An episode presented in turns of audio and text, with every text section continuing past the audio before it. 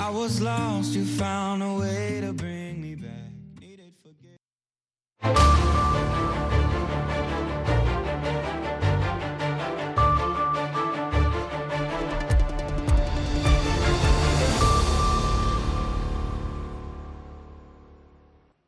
halkani waa washington laanta afka soomaaliga ee v o a oo aad ka dhagaysanaysaan gaagaaban iyo efemyada geeska afrika qaarkood caalamka oo dhanna waxaad nagala socotaan boggeena v o a somaly com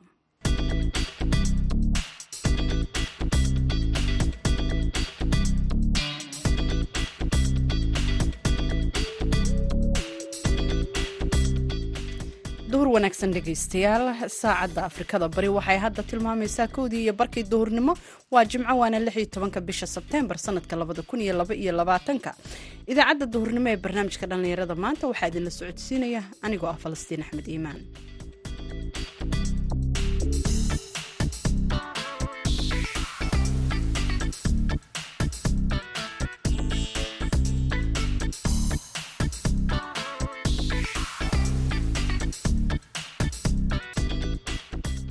qodobada aad idaacadeena duhurnimo ku dhagaysan doontaana dhegaystayaal waxaa ka mida barnaamijkii sooyaalka dhaqanka oo aanu ku eegi doono sida soomaalidii hore ee miyiga ay isku caawin jireen xilliyada adag. Dadna dad sabool oo xoolo yarow bay ahaayeen dadna dan hanti ilaahay siiyey oo geel iyo adhiba hodanka ah ayay ahaayeen. Afarta adduunku uu ka kooban yahay bay lahaayeen. Dadna xooluhu waa ku yaraayeen. Dadka xooluhu ku yaraayeen waxay ahaayeen dad laga warqabo oo dadka la nool oo xoolaha la leh sida godol iyo gaadiidba ay xoolaha la lahaayeen. Waxaa kaloo aad dhegaysan doontaan oo barnaamijka qayb ka ah kaalimihii heesaha. Marka horese ku soo dhowaada warkii caalamka oo aan idiin akhriyo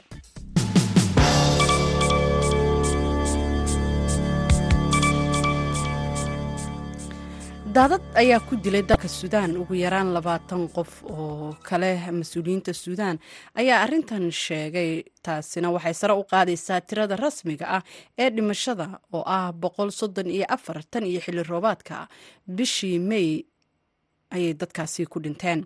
Xafiiska beriga genaraal cabduljaliil cabdiraxiim oo ah hogaamiyaha golaha qaranka ee difaaca rayidka suudaan ayaa sheegay in boqol iyo labaatan qof oo dheeraada ay ku dhaawacmeen fatahaada daadadkaasi toddobaadkii la soo dhaafay. Roobab mahiigaan ah oo ka da'aya dalkaasi bishii agost iyo horaantii bishan aynu ku jirna ee sebteembar oo ah xilliga ugu daran ee roobabka suudaan ayaa waxay burburiyeen waddooyinka guryaha iyo kaabayaasha muhiimka ah ee dalka oo dhan iyagoo jaray qadadka sahayda ee dhulka miyiga ah ee u baahan gargaarka bini'aadanimo. Sida lagu sheegay warbixintii ugu dambeysay ee qaramada midoobay fatahaadan ayaa ilaa iyo laba boqol sideetan iyo lix kun iyo afar boqol oo qof waxay markaasi ku sameeyeen ama ay ku yeesheen saameyn iyagoo burburiyey lix iyo toban kun iyo sagaal boqol oo guri. Golaha difaaca madaniga ee suudaan ayaa sheegay in dadka dhintay sanadkan ay ku jiraan toddobaatan iyo afar qof oo ku qaraqmay biyaha. Soddon iyo laba qof ayaa iyana ku dhintay markii ay guryahooda ku soo dumeen halka lix qofna ay koronto dishay berliin ayaa jimcihii maanta waxay la wareegtay maamulka howshii ay dalkaasi ka waday shirkad dhinaca saliidda tamarta ruushka ah. Gacantana ah markaasi ku haysay howshaasi oo lagu magacaabo rosneft si ay u xaqiijiso adeega tamarta wadankaasi oo hakad uu ku yimid kadib markii ruushka uu ukrein ku qaaday weerarka. Shirkadan oo jarmalka wax ku leeyahay ayaa waxay gacanta ku haysay soo saarista shidaalka dalkaasi labayo toban boqolkiiba waxaana la hoosgeeyey oo hadda maamulaysa hay'ad heer federaala oo loo soo gaabiyay f n a sida lagu sheegay qoraal ka soo baxay wasaaradda dhaqaalaha ee dalkaasi. Sidoo kale waxaa lagu sheegay qoraalkaasi in maamulka cusub ee shirkadan la hoosgeeyey uu gacanta ku haynayo ama uu gacan ka geysan karo ka hortaga amniga dhinaca tamarta. La wareegidda howshan ayaa mas'uuliyiinta jarmalka waxay awood u siinaysaa in ay qaban karaan howlaha sifaynta shidaalka iyagoo adeegsanaya saliidda kayriin ee waddamada ruushka ka baxsan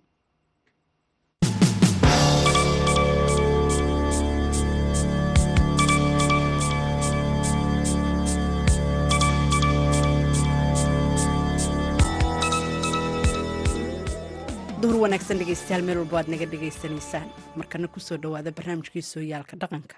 Waxaa noo soo diyaariya oo nala socodsiinaya waryaheena magaalada laascaanood cabdikariin olol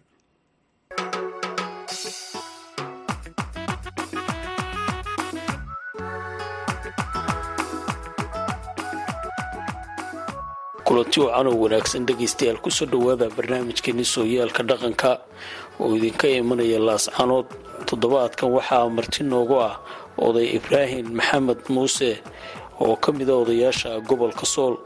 Toddobaadkan barnaamijkeenna waxaynu ku eegi doonaa siyaabaha ay isu caawin jireen dadkii hore ee soomaaliyeed iyo kuwa haata jooga. Caawintaa iyo in wax laystaro qoysaska soomaalida waxay u ahayd mid aada u weyn. Marka laga hadlayo dhanka deeqda iyo waxisisiinta dadka ayaa waxay u qaybsanaayeen kuwa xoola haystaa iyo kuwa aan iyagu maal adduunyo aan haysanin xilligaa oo dadku ay si weyn u dhaqan jireen xoolaha kala duwan. Ugu horeyn oday ibraahim ayaa ka hadli doonaa deeqsinimada iyo sida dadka saboolka ay dadkii hore ee soomaaliyeed u caawin jireen iyo haatani dadka waxyaabaha iska bedelay barnaamijkeena ayaynu intaasi ku dul istaagi doonaa isagoona faahfaahin inaga siin doona waxyaabihii u soo joogay iyo dhaqankii soomaaliyeed ee aadka u wanaagsanaa. Bismillahi raxmaan raxiim marka hore aad baan ugu faraxsanahay inaan barnaamijka kan aada isiisaan inaan toddobaadkan ka hadlo waa ku faraxsanahay. Run ahaantii arrimaha dhaqanku wax la soo koobi karo maaha ummadda maanta joogta iyo tee horena dad laysu matali karo meel isaga egba ma ahayn. Siyaabaha loo wada noolaa waxay ahayd horta adduunka lahaysto xoolaha waa la wada lahaa. Dadku dad wax kalele ma ahayn. Dad iscaawiya oo deeqsiina oo gacan furan oo dhan walba wax iska tara ayay dadku haayeen. Dadku waxay ahaan jireen dad xoolo oo xoolo dhaqataa loo dadku ahaa dadna dad saboola oo xoolo yarow bay ahaayeen dadna dan hanti ilaahay siiyey oo geel iyo adhiba hodankaa ayay ahaayeen afarta maysi adduunku uu ka kooban yahay bay lahaayeen. Dadna xooluhu waa ku yaraayeen. Dadka xooluhu ku yaraayeen waxay ahaayeen dad laga warqabo oo dadka la nool oo xoolaha la leh. Sida godol iyo gaadiidba ay xoolaha la lahaayeen. Awrka la rarto geelay ku lahaayeen waa la siin jiray waa loo qaban jiray. Awrkaa loo qaban jiray oo raran jireen. Mid siina iyo mid hadday doonaan ay ku guuraan intay ku toobkacayaan waa lahaan jireen xoolaha kalena dadkay la wadaageen geeloo kale reerka noocaasi marka hore waxaa loo ohan jiray cidda xigtada u ah ayuu la degi jiray hadiyo jeera la deganaan jiray. Xoolahaasuna ka mid ahaa. Geela la wada maali jiray awrkana waa la wada ran jiray. Dushiisa iyo naaskiisaba naasku dee waa hash la wada maalayo dushana waa awrka la wada raranayo aada iyo aad baad umahadsan tahay. Waxyaabaha sida weyn loo qadarin jiray waxaa ka mid ahaa dadka saboolka ah ama iyagoo aan lahayn xoolo. Sidee dadka reer guuraagu ay wax uga siin jireen maalka hadday noqoto kay maali lahaayeen ama kay raran lahaayeen ama mid kasta oo qoyskooda loo keenayo bal siday deeqsinimadaas ay ku ahaayeen bal iiga sheekey iyo ninka saboolkaa sida loola korin jiray carruurta arrimaha aadsi waa badan yihiin. Markaan ka sheekeeyo matalan ninka xoolo yarowgaa dadku habeenkii oo kale waa laloog wax layahaa jiri jiray xoolaha la qalan jiray. Waxaa la odhan jiray caawa xoolaha xoolaynu waa qalanaynaa. Geel iyo adhiba ha noqoto. Marna geelaa laga shiraysan jiray shidhaa la odhan jiray. Marna adhigaa laga shiraysan jiray. Habeenkaa xoolaha la qalanayo isagu ma lahayn dee xoola uu markaa uu dadka la qasho. Habeenkaa waxaa la samayn jiray reer kasta oo xoolaha qashaa reerkaa waxaa loo keeni jiray hilib baa loo keeni jiray. Laganamana seexan jirin oo lala soo gudi jiray. Siday dadka habeenka ula cashayaano farxadda. Dadka xoolaha qaranaya ay ula wadaagaan. Ama waxaa la siin jira oo la odhan jiray reer hebel neefkaa u geeya ha qasheene. Taasi waxay ahayd xagga looga iyo habeenka xoolaha wax laga qalanayo waxaa jiray geela. Geeloo kale dee dadku la deganaan jiray geelana waa la wada maali jiray markuu meel gaara degan yahay uusan reerka ooda kula jirin. Reer kastoo sanadkaa geel u dhalayo oo la tirin jiray ninkaa waxaa la siin jiray geel maala. Uuna ku xisaabtami jiray geela maalkaa tiraalo intaasoo reer baa odhan jiray reer neef halkeen adna halkeen adna halkeen. Ninkaasi geel geela dadku maalaya geel leeg baa loo xirayn jiray shan halaad lix halaad toddoba halaad sideed halaad sida hadba dadka geel ugu dhalo geelaasu dee maali jirayo marka uu ka guranaa wuu keeni jiray oo geelu isu celin jiray hadhowna markuu dhalana sidaasoo kale de uga kaxaysan jirayo wuxuu ku xisaabtamo iska ahaa qoysaska hore soomaaliyeed markay wada degan yihiin ama ay ooshu meel wada taallo looga qayb qaadan jiray in carruurta loola koriyo dadka iyagoo aan hayntoodu badnayn xilligaasi dhaqanka soomaaliyeed waxyaabaha sida weyn loo ilaalin jiray. Markuu xoolo yarowga yahay sakadoo kale isagaa lagu kicin jira oo la odhan jiray suu berri uu gaadho isna inuu sakada bixiyo. Reerahoo dhan waxa odhan jiray neefka sakada la bixinayo reer hebel baa haddii geela laga bixinayo haddii ariga laga bixinayaba waa lagu xisaabtami jiro waa la siin jiray. Waxaa kaloo la samayn jiray carruurta bar baa laga kaxayn jirayo qolo waliba qof waliba qofbuu dee kaxayn jiray oo korin jiray oo dee munaafacadsan jiray. Isaga laftiisa reerkaa dee xoolo yarowgaah ilaahay dee xoolaha iyo maalkaba isagaa bixiya. Waxaa laga jiri jirtay in kan xoolaha yari uu dad badnaa oo dadkiisaa la munaafacadsado oo uu dadka siiyo oo xoolaha iyana ay wax ka celiyaan rag iyo dumarba ay geelasha iyo xoolaha wax ka celiyaan oo iyana dadkiisa lagu xisaabtamo la waxaa kale jiri jiray dadaan dee dad badan iyo ninaan dad badan lahayn oo dadku ku yaryahay isagana dadkaasi inta dadkiisu soo kacayo waxaa la siin jiray xoolaha lala dhaqi jiray. Mar baa jirtay subaxii la sameeyo reer kastaaba geela caanuu ka lisi jiray. Reerkaa wax loodhan jiray reer hebel ka soo qaado weelka oo geela intaa lega loo liso intaasuu reer baa caanaha looga soo jiray. Waxaa dhici jirta inuu kaa geela boqolka haraad xoolaha yaraan hashaba lahayn mararka qaarkood uu ka caano badnaan jirayo meel walba caanaha looga keeni jiray oo la ilaalin jiray. Riyaha oo kale adhigoo kale dee caanaha markii roobku doo riyaha waa la maali jiray iyo riyaha la siin jiray oo waa la tirin jiray. Reer hebel maanta reer walba intaasi. Sida reerkan hadduu lushoyana waa luulan jireen. Siyaabaha noocaasa dadka kane isu caawin jiray oo aan dhaqan aan maanta jirin oo laga guuray aad moodo inuun dadkaniba garan karina. Weli waxaynu ku jirnaa barnaamijkeenii sooyaalka dhaqanka oo idinka imanaya magaalada laascanood in saboolnimada lala dagaalamo oo dadku waxyaabaha ay cuni lahaayeen qeyb ay ka noqdaan bal ka waran muhiimad intee la eg bay u lahayd dadkii hore ee soomaaliyeed iyo inaan bulshadaasi laga soo sheegin war ah. Reer hebel gaaja haysa ama waxay cunaan ma haystaan? Oo duruuftaasi way ku adag tahay. Ragga soomaaliyeed aada ma uga dagaalami jirin arrimahaas oo kale in ooshaasi iyo deegaankaasi aysan ka dhicin. Aada iyo aad bay arrintaas waa runtaa dee loo ilaalin jiray. Waayo waxay ceeb ku ahayd ninka kan xuulayarowga ee saboolkaa ee aan hantida badan lahayn cidda ay isxigaan oo dhan ayay ceeb ku ahayd reerkaas inuu dayacmo. Oo dee uu reerkaasi dayacgaadho waxaa la samayn jiray marka aaminka la dhoofsado oo isagoosan aamin lahayn. Raashinkaa loo dhigi jiray dharkaa loo keeni jiray kabaha carruurta loo siin jiray waxyaabahaasoo dhan baa la iska caawin jiray. Lama ogolayn reerkaasi inuu dareemo oo waxaa laga ilaalin jiray inuu dee dayacmo ayaa laga ilaalin jiray. Ceelkao kale marka xooluu ceelka yimaadaan isaga dadkiisa marka xoolaha ceelka keeno waa la kaxayn jiray oo rag iyo dumar wixii xoolaha wada. Dimaqaadaha la geyn jiray waxbaa la siin jiray raashin baa la siin jiray hudheelada sidaasaana xitaa markay ceelka xooluhu yimaadaan aynayaan loogu ogolayn inay ku dayacmaan dadka xoolaha wadaa ee xoolo yarowgahay sidaasoo kale dadka loo ilaalin jiray ceeb ku ahayd. Dhaqankana waxaa la ilaalin jiray wadogta casabada. Waa laisu qabsanayaa oo arrin aada u adag. Nin waliba waa ka taxadari jiray dadka casabada ah inuu dhaqaaleeyo. Kii aan markaa awood badan u hayna dadka kale la dhaqaalayn jiray. Markaa ma jirin dad bulshada ku dhex nool oo xoolo dhaqato ah oo dadka ku dhex dayacmaa ma jiri jirin. Dadku u sinaa qof kastoo islaam bay waxbuu tari jiray waxyaabo badan baa jiray oo inaga soo sheegnay. Marka reerka qoyska aysan iyagu xoolo haysanin marka la yidhaahdo ha loo celiyo oo xoolo ay maalaan ha la siiyo. Xilligeebay ahaydna. Xilliyada dee horta geelu dee ama dayr buu dhalaa ama gubuu dhalaa xilliyada naqa ah ee xooluhu dhalaan ee lagu xisaabtamo xilligaasaa xoolaha lagaga xisaabtami jiro maalka laga siin jiray. Haddii geelu dhalo geela laga siin jiray haddii aan markaa geelu guran yahay oo aan geelu markaa dhalayna oo arigu irmaan arigaa laga siin jiray riyaha ayaa loo goyn jiray reer waliba labaatan reer oo kale matalan reer waliba ribu u keeni jiray labaatan riyaad. Reerkaa marka labaatan riyaad oo dhalay loo xereeyo reerkaasi caano dhan buu ahaan jiray isagii carruurtuba ma ilaalin jireen inay dadku isku xidhmaan si dhaqankii deeqsinimada ahayd loo ilaaliyo oo ma ka tashan jireen in dadku ay iscaawiyaan dee waxaa la dareemaya nin waliba garanayaa ninkii caqli leh ilaahay dadka kan xoolaha yar dadkanunbuu ku eegayaa. Xoolo uma waayin. Ninku dadku waxaa badin laga qabay oo cabsi laga qabay dad cabsida baqabay ahaayeen. Ninku hadduusan wax bixin inuu dee fakriyayo isaga laftiisu fakriyayo oo ka aan xoolaha lahayn oo kale noqonayo ayuu ku xisaabtami jiray oo ilaahay kama wareejin karo oo kan maanta caydhka ah ilaahay isaga u wareejin karo oo kan xoolaha laga qaadayo.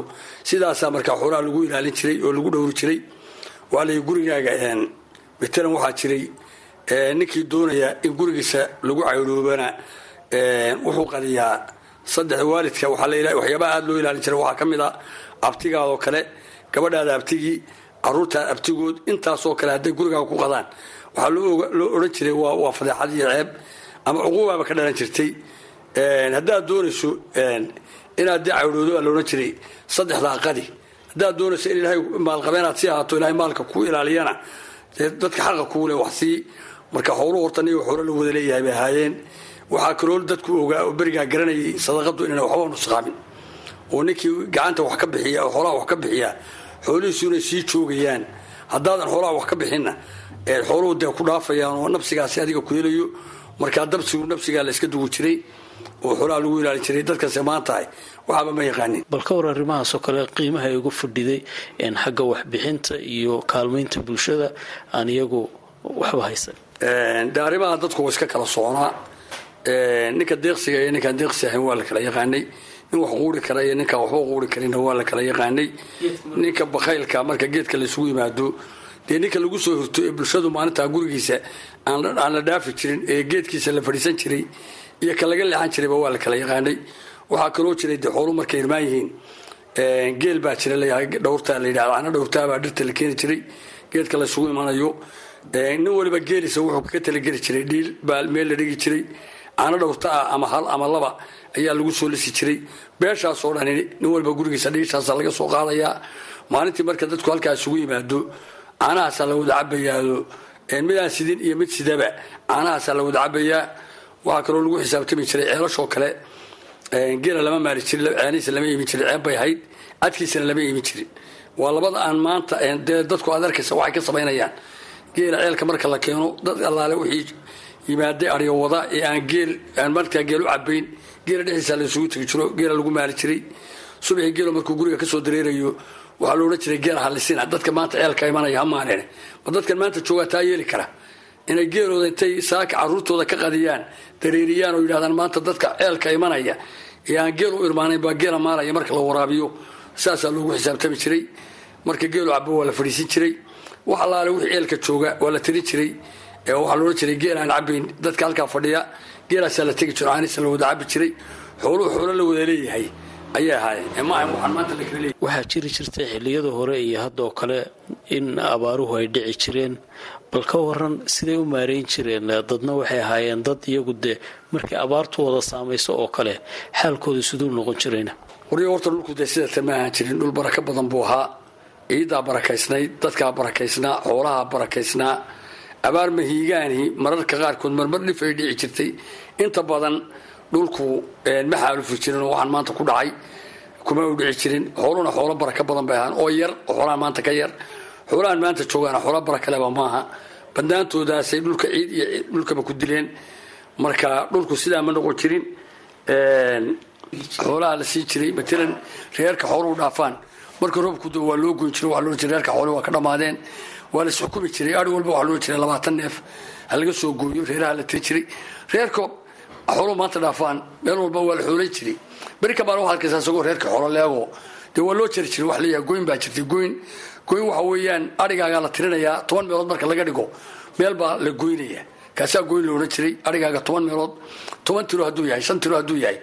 Waxaa laga qaadi jiray tiro walba waxbaa laga goyn jiray dadka saas hadee lagu ilaalin jiray geela oo kale marka la lisayo dhallinyaradoo dhan magaabaa la siin jiray oo cantuuga weyna. Bal dhaqankaasoo kale waxyaabahay uga jeedeen oo kale bal iga sheekayso geelaasi waxay ahayd horta geela barakadiisa lagu ilaalin jiray. Waxaa jiray nin layahay midigeey midigeeya la yidhahdo geelaasi hadduu ay ka irmaantahay soddon soddonka halaadba marka hadhuubka lagala baxo waa midgeynaya isaga caano gaara lama sii jirin magaabadaa geelu ku noolaa. Waayo soddonkaa markuu hadhuubka ka cantuugo caano kaloo u baahnaa ma jirin. Horta kaa waxaa la yidhaha midigeeyo wuxuu ilaashanayaa hasha markuu soo godlo oo hadhuubka lagala baxo. Warmee midigeeyihii ma gaabi. Saasuu horta jiray. Waxaa jira caano la yidhaha ibadar baa jira ibadar baa la jira oo markaad halistaba dhiil yarba halkan taalla in baad ku barjaminaysaa. Waa kayd. Waxaad ugu talagelaysaa martida berito ama iman doonta habeen dambe.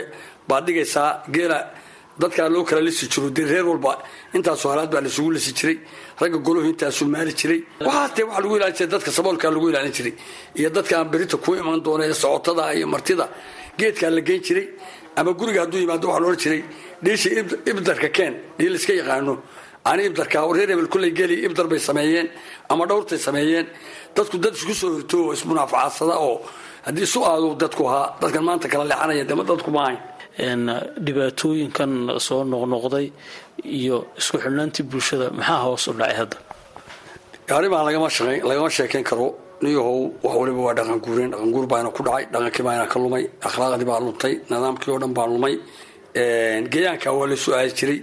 Matalan maanta oo kale adiga abtayaasha ayaa baxsiisa oo aan diraacda ku dhicin ama jilaal ku dhicin oo xooluhu baxsadeen.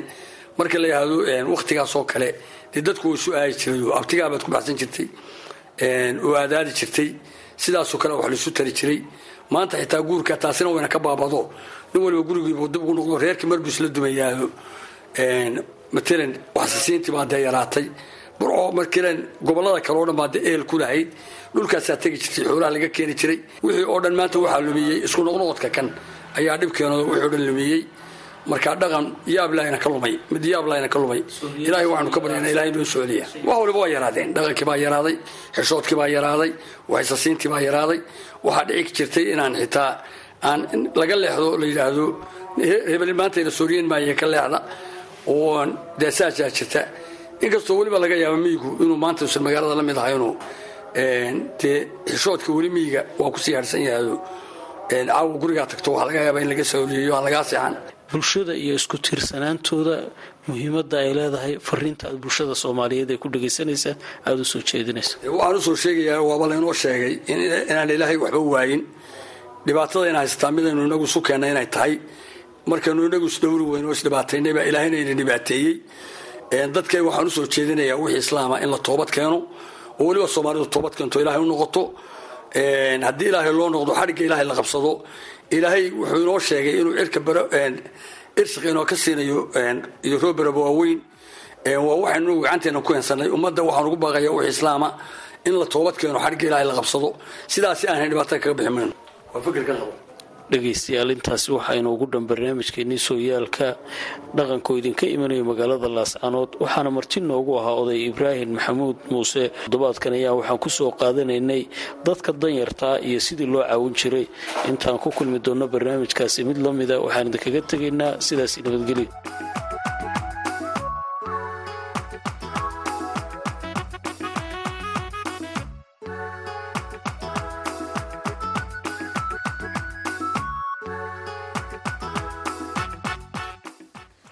halkaad nagala socotaana dhegeystayaal waa v o a washington. Markana dhinacii heesaha